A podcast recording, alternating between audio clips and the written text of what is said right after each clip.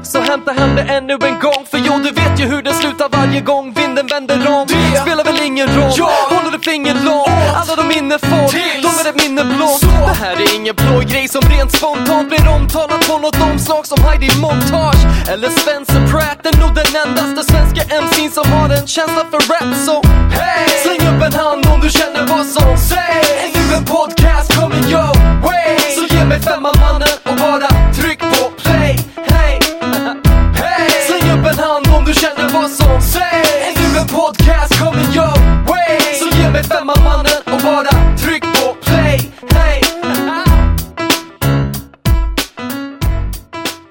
och välkomna till veckans avsnitt av Ledley Kings knä, säsong 2, avsnitt 18. Och idag är det Per Frickebrant som är med mig.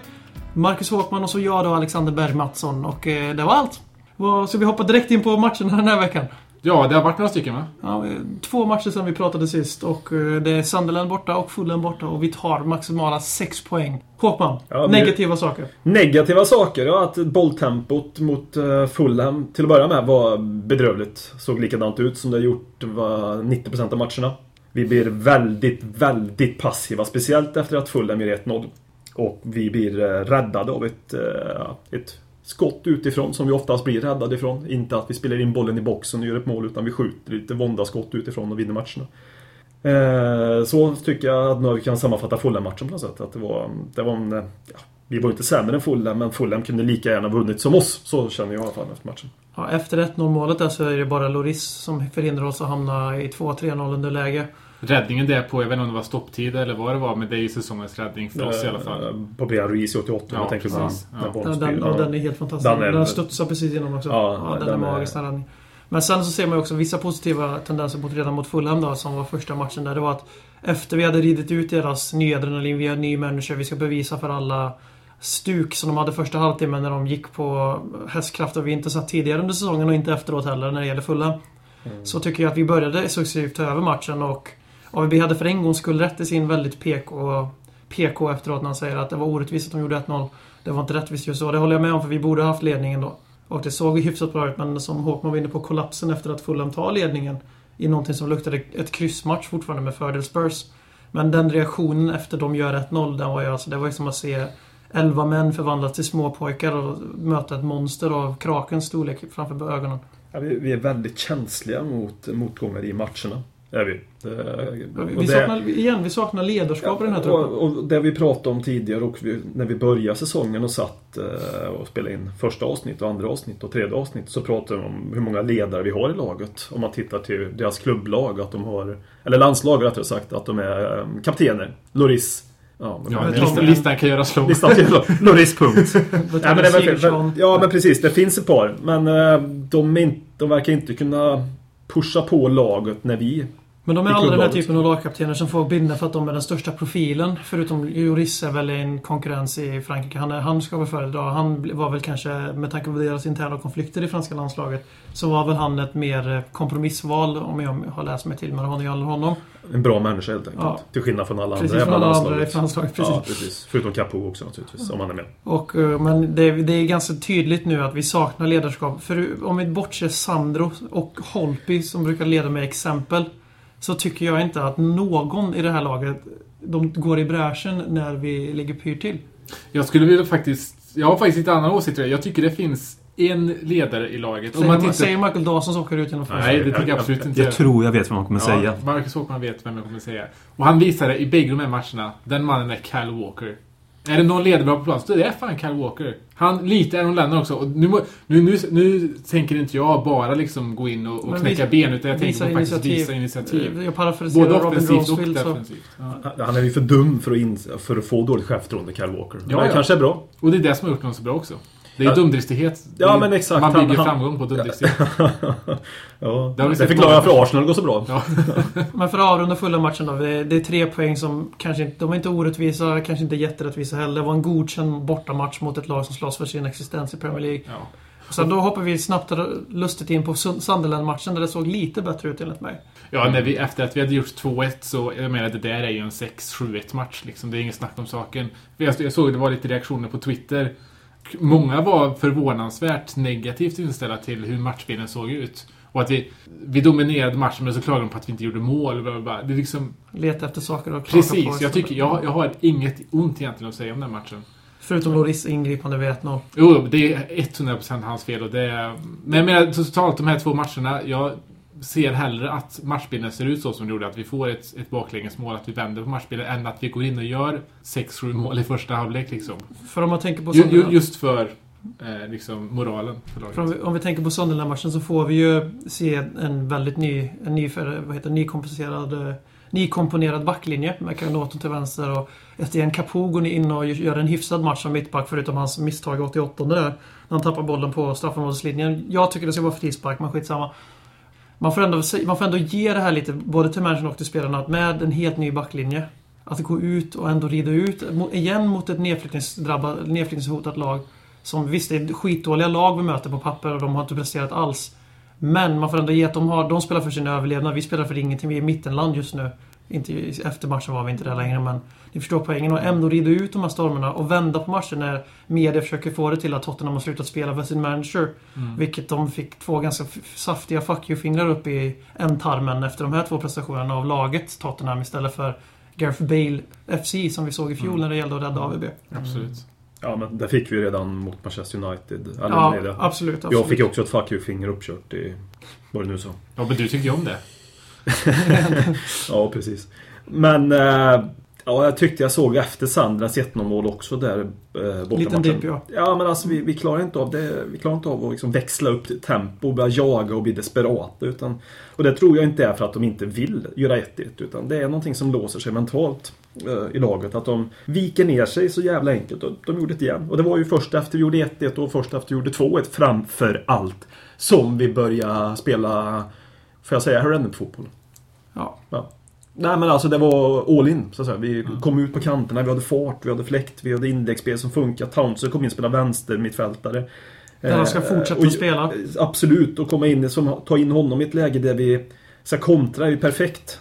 Townsend ska inte ha för mycket direktiv. Eller, så- han ska ha så lite direktiv som möjligt, Anders Townsend. För han ska, till honom som man bara säga var på vänsterkanten, spring med bollen, slå inlägg, gör ingenting annat. Istället för att få direktivet han får på högra så bryt mönstret. För, Ja, för är- Var kreativ, men han har inte, han har inte Han den kreativiteten inom sig. Och då är han perfekt att ha. Nu kan han göra en dåliga matcher där, men eh, just det här som eh, matchbilden blev så är det perfekt att ta in den. Men jag tycker fortfarande att eh, första, halv, första halvleken, om man minns rätt, jag och Per satt och kollade ihop att vi tyckte att det var, det var, det var sömnigt.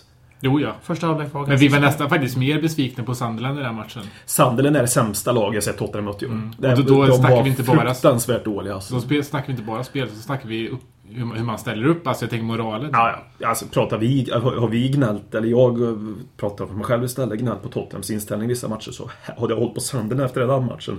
Ja jävlar, då hade jag varit skulle djupt oroad alltså. För Då jag skulle, trodde... då skulle de- behövt en Paolo Di Canio alltså. Saknar Ja. väldigt mycket ryggrad i det här laget Ja, men nu. det, var, det var fruktansvärt mycket ryggrad de saknade. Jag har inte sett Sandland så värst mycket men de måste ha haft en liten off-dag. Eller kan man också se så här att vi gjorde dem dåliga. Vi gör nog motståndet dåliga ganska ofta, men det är inte så roligt att se på världen på det sättet. Ska vi Nej. ta upp det självklara som vi inte har tagit upp än? Varför får Jermaine Defoe 180 minuter i de här två För matcherna? att han kommer till lägen som Roberto Soldado absolut inte hade kommit till. För det vet jag, fast jag inte har sett dessa matcher med Soldado istället för Defoe. Nej men det är väl för att han ska få... Alltså jag För att kan... han ska hålla käften. Han ska få sin chans. Alltså, Soldado hade ju inte gjort mål och jag kan ju fatta rent logiskt att oavsett om man tycker att Soldado kom in i matcherna eller inte så gör han inte mål och då är det logiskt att ge med Defoe chansen. Ja, absolut. Tycker jag. Men nu har han fått två matcher. Jag trodde inte han skulle få spela mot Sunderland. Utan jag trodde att han fick spela mot Fulham för att det var tre matcher på sex dagar. Mm. Nu tror jag väl att Soldado är tillbaka i uh, pole position. Här. Mot- mot Eh, mot, ja, men jag tror faktiskt han spelar. Han, bör, han behöver spela redan då kan man tycka. För, att, för att han inte har spelat fotboll på ett tag nu helt enkelt. Ge han en, eh, ge han en 30 minuter i andra halvlek mot Anchi. För de kommer ju inte ha något att spela för, det har inte vi heller. Men ska inte Defoe, eller... Men så du tycker att Defoe ska starta Nej, Adebayor ska starta. Matchen. fit för att starta? Ja, han, börjat, han tränar idag, onsdag, så det... Vem är Adebayor? Eller tisdag idag. Tisdag, så det är inte så säkert att han är. Men jag vill, jag vill gärna se Soldado få känna på ett lite. Kanske göra ett mål mot Anchi. Sen, Mm. sen ska han få en, en runda i. Folk, folk i vår trupp bara försvinner. Adebayor har inte, han har inte existerat på över en månad snart känns det som. Han kanske följer med Benny på läktaren snart. Ja, Han är kanske fullt med Danny Rose, vart Danny Rose nu är. ja, det kan man verkligen spekulera. Han sitter väl i fångläger någonstans kanske. Adebayor som idag är på minnesceremonin för Nelson Mandela. Mm. Nej då. Han hållde tal. ja, Ny- nya good guy. Ja, Good guy. Ja. 35 minuter här Ja. såg Ja, det, det hade varit någonting. Där. Tog, Han tog en jet från Tottenhams träningsanläggning där han tillsammans med Christian Eriksson och Danny Rose gjorde bejublad comeback. Och sen så åkte de alla tre och höll tal för Nelson Mandela. Och så åkte de hem och spelade femman.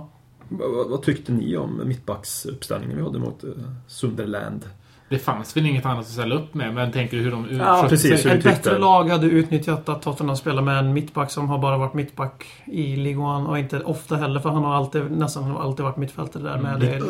Ligue 1. Men med all respekt till eh, Ricky Lambert och Steven Fletcher tänkte du på. Steven Fletcher menar jag och... Eh, Altidor. Altidor. Altidor. Jag säger alltid då, ja. Han borde varit utvisad så många gånger så man Ja, glömde bort ja det, var, det var därför. Eh, Jävligt grinig all, all, all respekt till dem, men det är ju inte eh, några anfallare som egentligen ska hota oss oavsett. De- Fletcher tycker jag ändå. Fletcher, Fletcher är bra, men det, det, det, är ingen- det, är ingen, det är ingen uppsättning som skrämmer. Nej.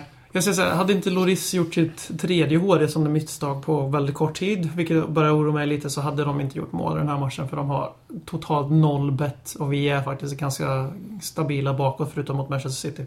West Ham. Och West Ham då. Men West Ham är så jävla utomjordligt bra så det, alla lag kommer falla för den Men det där kommer ju folk studera sen om 50 år. Hur var detta möjligt för att trena hemma mot West Ham? Sett till West Ham spelar säsong 12 Det kommer bli, även om AVB vinner ligan med Spurs så His, kommer History ändå- Channel och så här kommer ta upp det där. Jag ser inget lag just nu. Alltså vi snackar om Sunderland. Jag tror att West Ham är minst lika dåliga när jag Ja, tittar ja. på dem. Ja, ja, de är hemskt dåliga. West Ham, det har jag sett. Och jag njuter mer och mer utav Ja, det. ja, det är klart man njuter och vi ska ju piska tillbaka och göra revansch på dem den eh, nästa onsdag. Det gör vi. Fuck West Ham.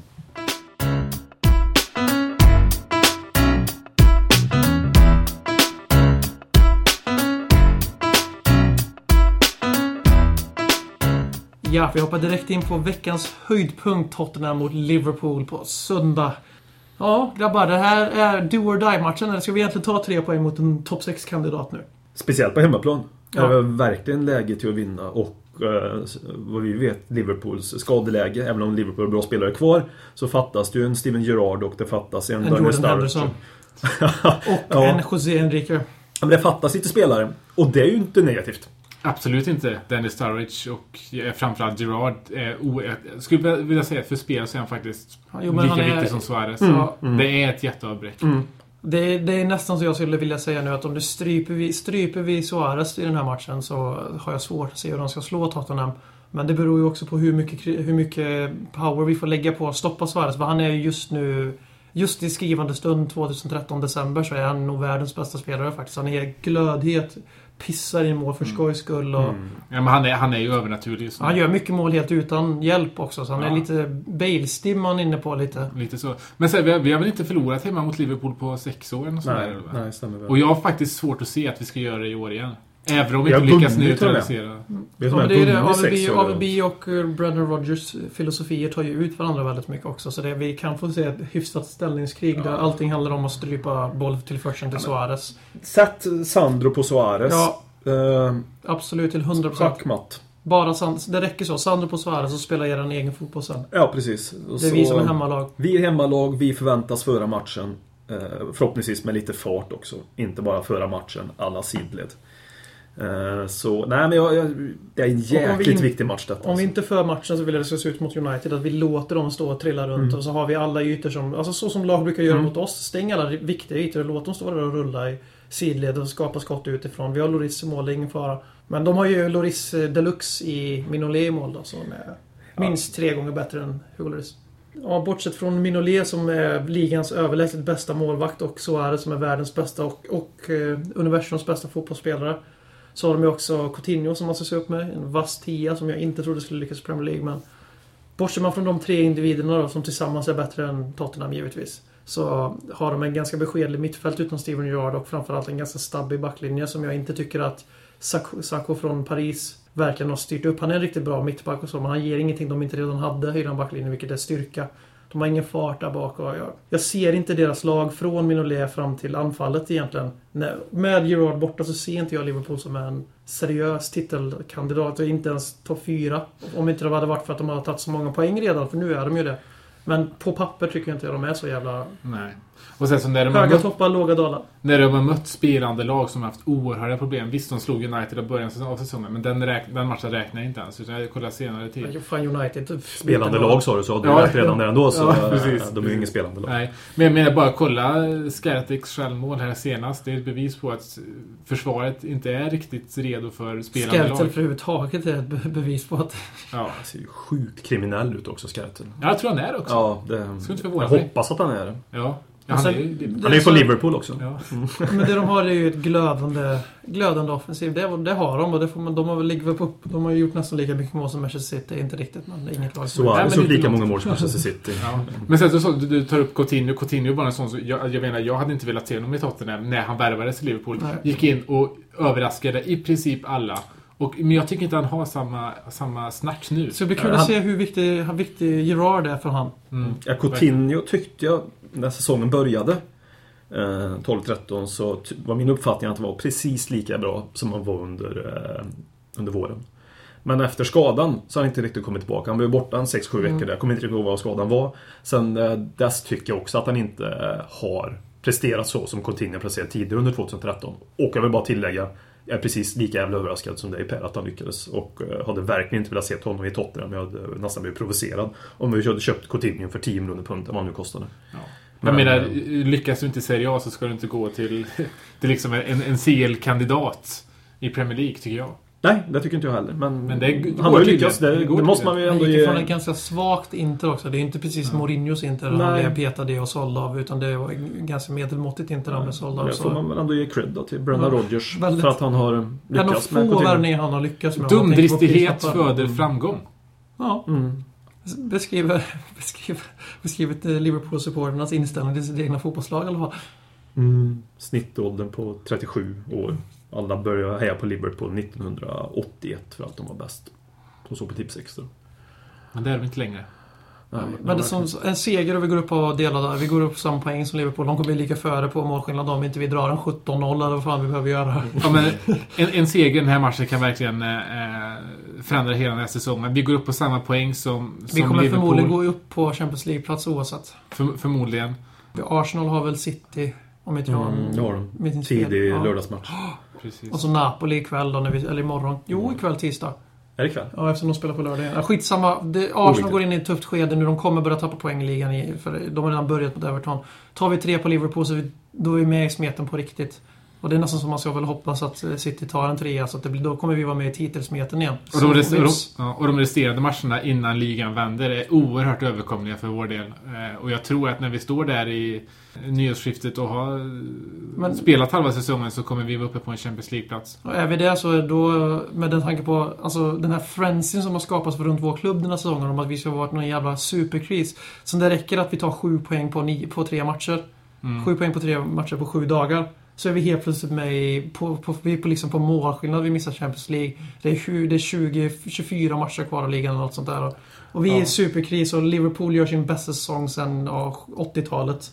Och ändå så ligger de tre poäng för oss. Det, är ganska, det säger en del om vad som har hänt i fotbollen i England och vad som har hänt framförallt i maktbalansen mellan de här två klubbarna som nu ger upp på söndag. Om man kollar spelet så är det ju vi av alla lag i topp 7 som har det största kapitalet just Ja, nu. för vi har ju spelat så dåligt jämfört med förväntningar. Tyckte Precis. från Liverpool så kanske är andra poolen då som har överpresterat. Eller spelat, inte överpresterat, det vet vi inte än, men jag tror att de gör det.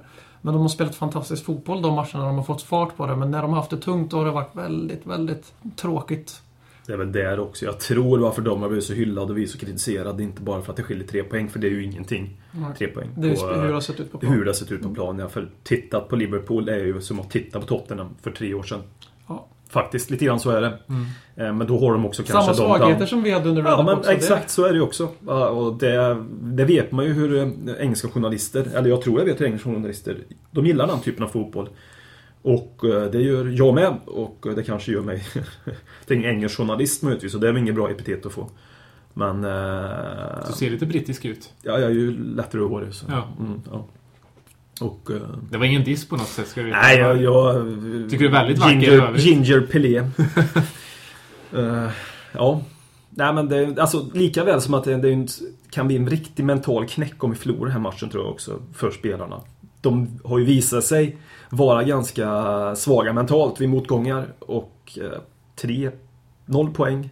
Eller kan lika gärna ha sex poängs skillnad och det, ja, ja, då är det jobbigt och då har vi inte vunnit hemma sen eh, andra världskriget liksom. Så jag menar, Känns lite eh, som säsongens viktigaste match så här långt. Eller Ja, det- säsongens match i alla fall. Ja, det är ett vägskäl. Det säger så mycket. Vi möter en konkurrent som slåss om samma placeringar som oss. Alltså som det sägs på förhand. Va? Vi slåss om fjärdeplatsen. Det kan vara viktigt för oss att få vinna mot ett av de här lite större lagen som det sägs vara. För det, för det har vi, alltså vi har gjort våra bästa matcher mot, om man ska tänka, det vi har gjort över 90 minuter nu. Då har vi gjort när vi har mött bra motstånd. Men samtidigt så har vi fortfarande inte vunnit någon av de här matcherna. Nej. Utan vi har torskat mot Arsenal och så har vi kryssat och vi blev överkörda av City, men det var ju en freakmatch. Men hemma har vi gjort bra matcher. Bara för. Chelsea, Chelsea hemma bra. United, ja. United bra. Men vi har inte vunnit och det är väl dags nu för det är en tuff match men det är en överkomlig match. Ja, sjukt taggad.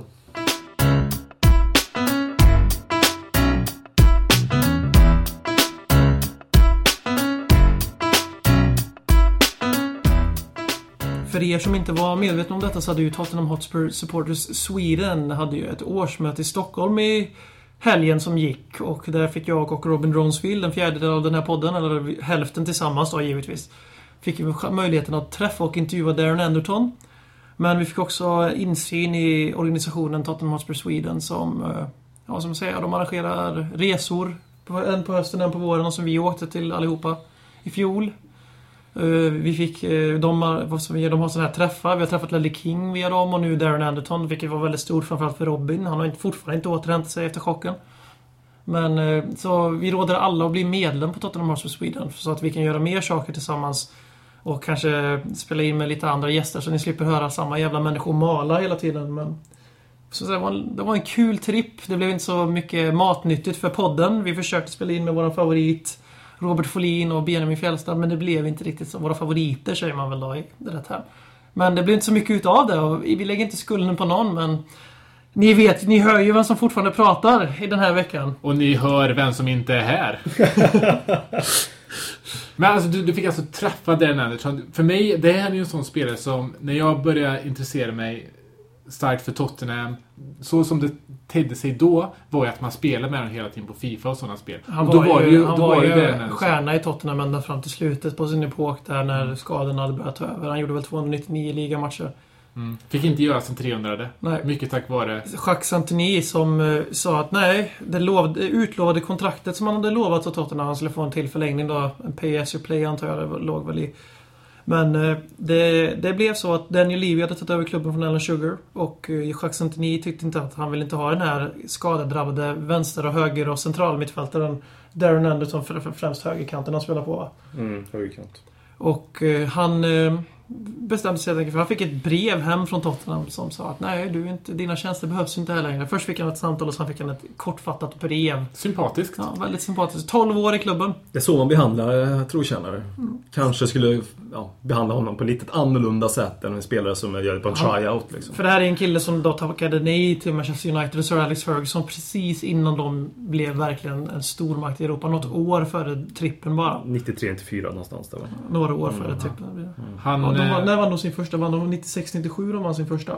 Dubben menar du? Eller inte de var första dubben. Eller första ligatiteln. Den var 92-93. Jaha, men då, då, alltså, då var de redan en... Premier League-titel. De vann, Ja, ju- de de, vann de vann rätt mycket på 90-talet helt enkelt. Ja. Och han valde att tacka nej till Manchester United. Och förlänga med Tottenham istället. Höll ju på med fotboll ända fram till 2008 och fick också göra mål i sin eh, sista match. För Bournemouth. Med, I 88 minuter om jag inte har... Ett segermål också. Ja, precis. Eh, Var det. Eh, Bournemouth ja, som nu spelar i eh, näst högsta ligan. Och det som, var störst, det som är störst med honom är väl att han har gjort ett VM och ett EM för engelska landslag som i mitten av 90-talet, slutet av 90-talet fortfarande var en kraft, en makt att faktiskt räkna med. Mm. De hade faktiskt potential att göra grejer då. Det, det har de inte längre. Och han var ju bofast. Han var ju med. Han spelade nästan ingen kvalmatch på grund av skadeproblem. Det roliga med hans landslagskarriär är att hans fem sista landskamper var med fem olika managers. Med Svennis som den sista. Ja. Han gjorde det med Svennis i alla fall. Eller flera Han har väldigt, väldigt, Han väldigt negativa åsikter om Sven-Göran Eriksson för övrigt. Han ansåg att han är en av de krafterna som har hållit tillbaka engelsk fotboll. Och Svennis, att, ja. ja, För att de- det var någon guld, en gyllene generation. Det inte fick blomma ut. Någonting sånt Ja, men att de spelar fotboll på fel sätt för... Fan ska dänga jäveln. Darren, Snacka skit om Darren värmningar. Anderson ansåg att eh, på internationell nivå så ska man spela possession-fotboll. Sen i Premier League ska man inte göra det. Så han Jo, hade ganska negativ åsa- å- ins- åsikt om AVBs fotboll också. Ja, den där Darren Anton får nog ses i spegeln en gång till tror jag. Mm.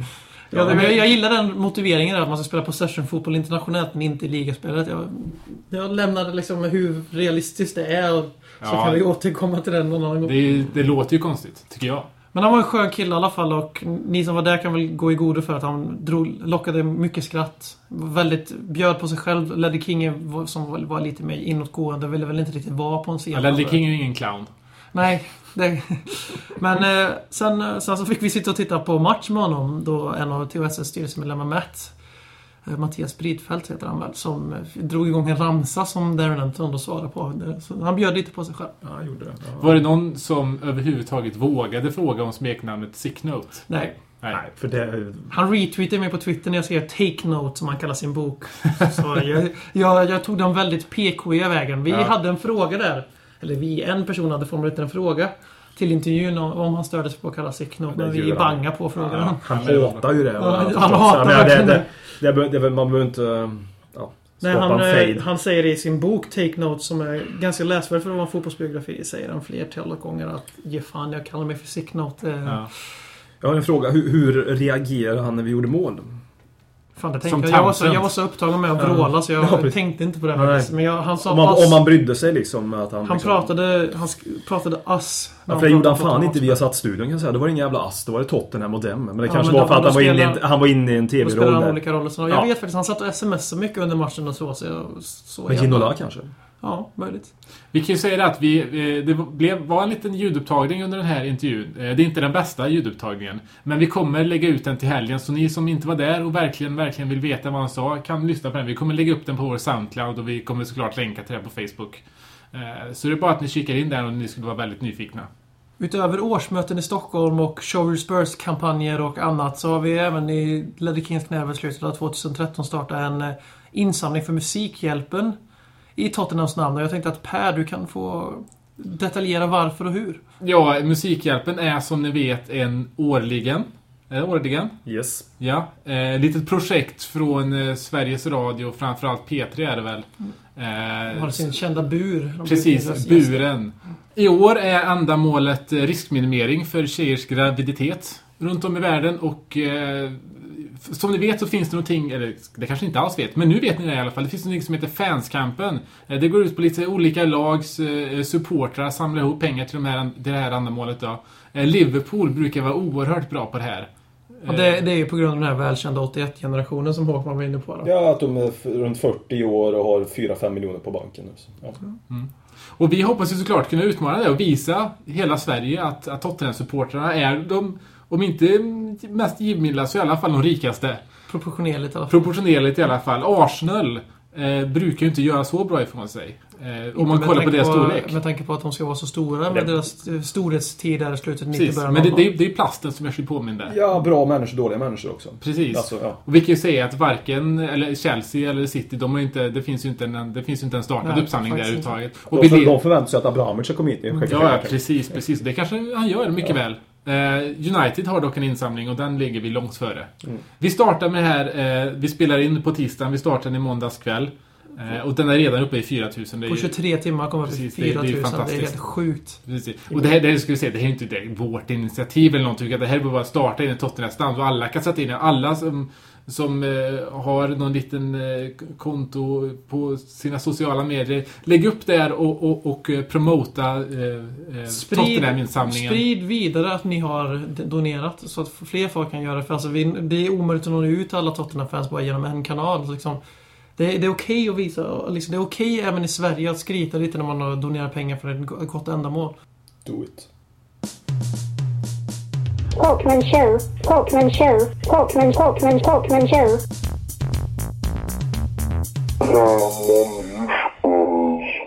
Yes, efter några veckor I Ide så ska jag nu ta tillbaka en liten inslag i podden. Håkman Show. Jag tänkte prata om två saker. Den ena grejen handlar om nya målgester som jag sett de senaste 3-4 veckorna. Den har säkert förekommit tidigare men den har lagt sig på mitt minne nu. Där de stoppar tummen i mun och de kör någon eh, barnvariant, suga på tummen-variant där. Och uh, begriper inte riktigt på vad är det för jävla målgest egentligen? Vad, vad ska den symbolisera? Uh, fruktansvärt dåligt ska man ha målgest så får man väl ändå försöka lägga ner lite tid och kraft på så den blir bra.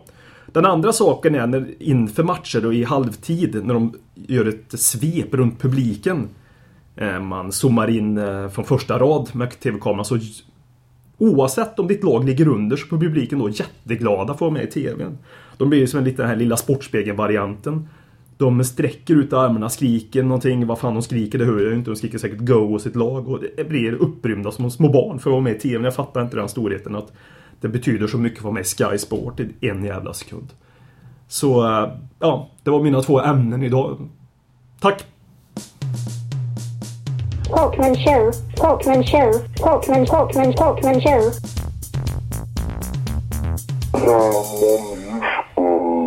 Ja, och eftersom Robin inte är här idag så är det jag som är Robin Dronsfield. Eh, alltså jag som har hand om den lilla frågestunden.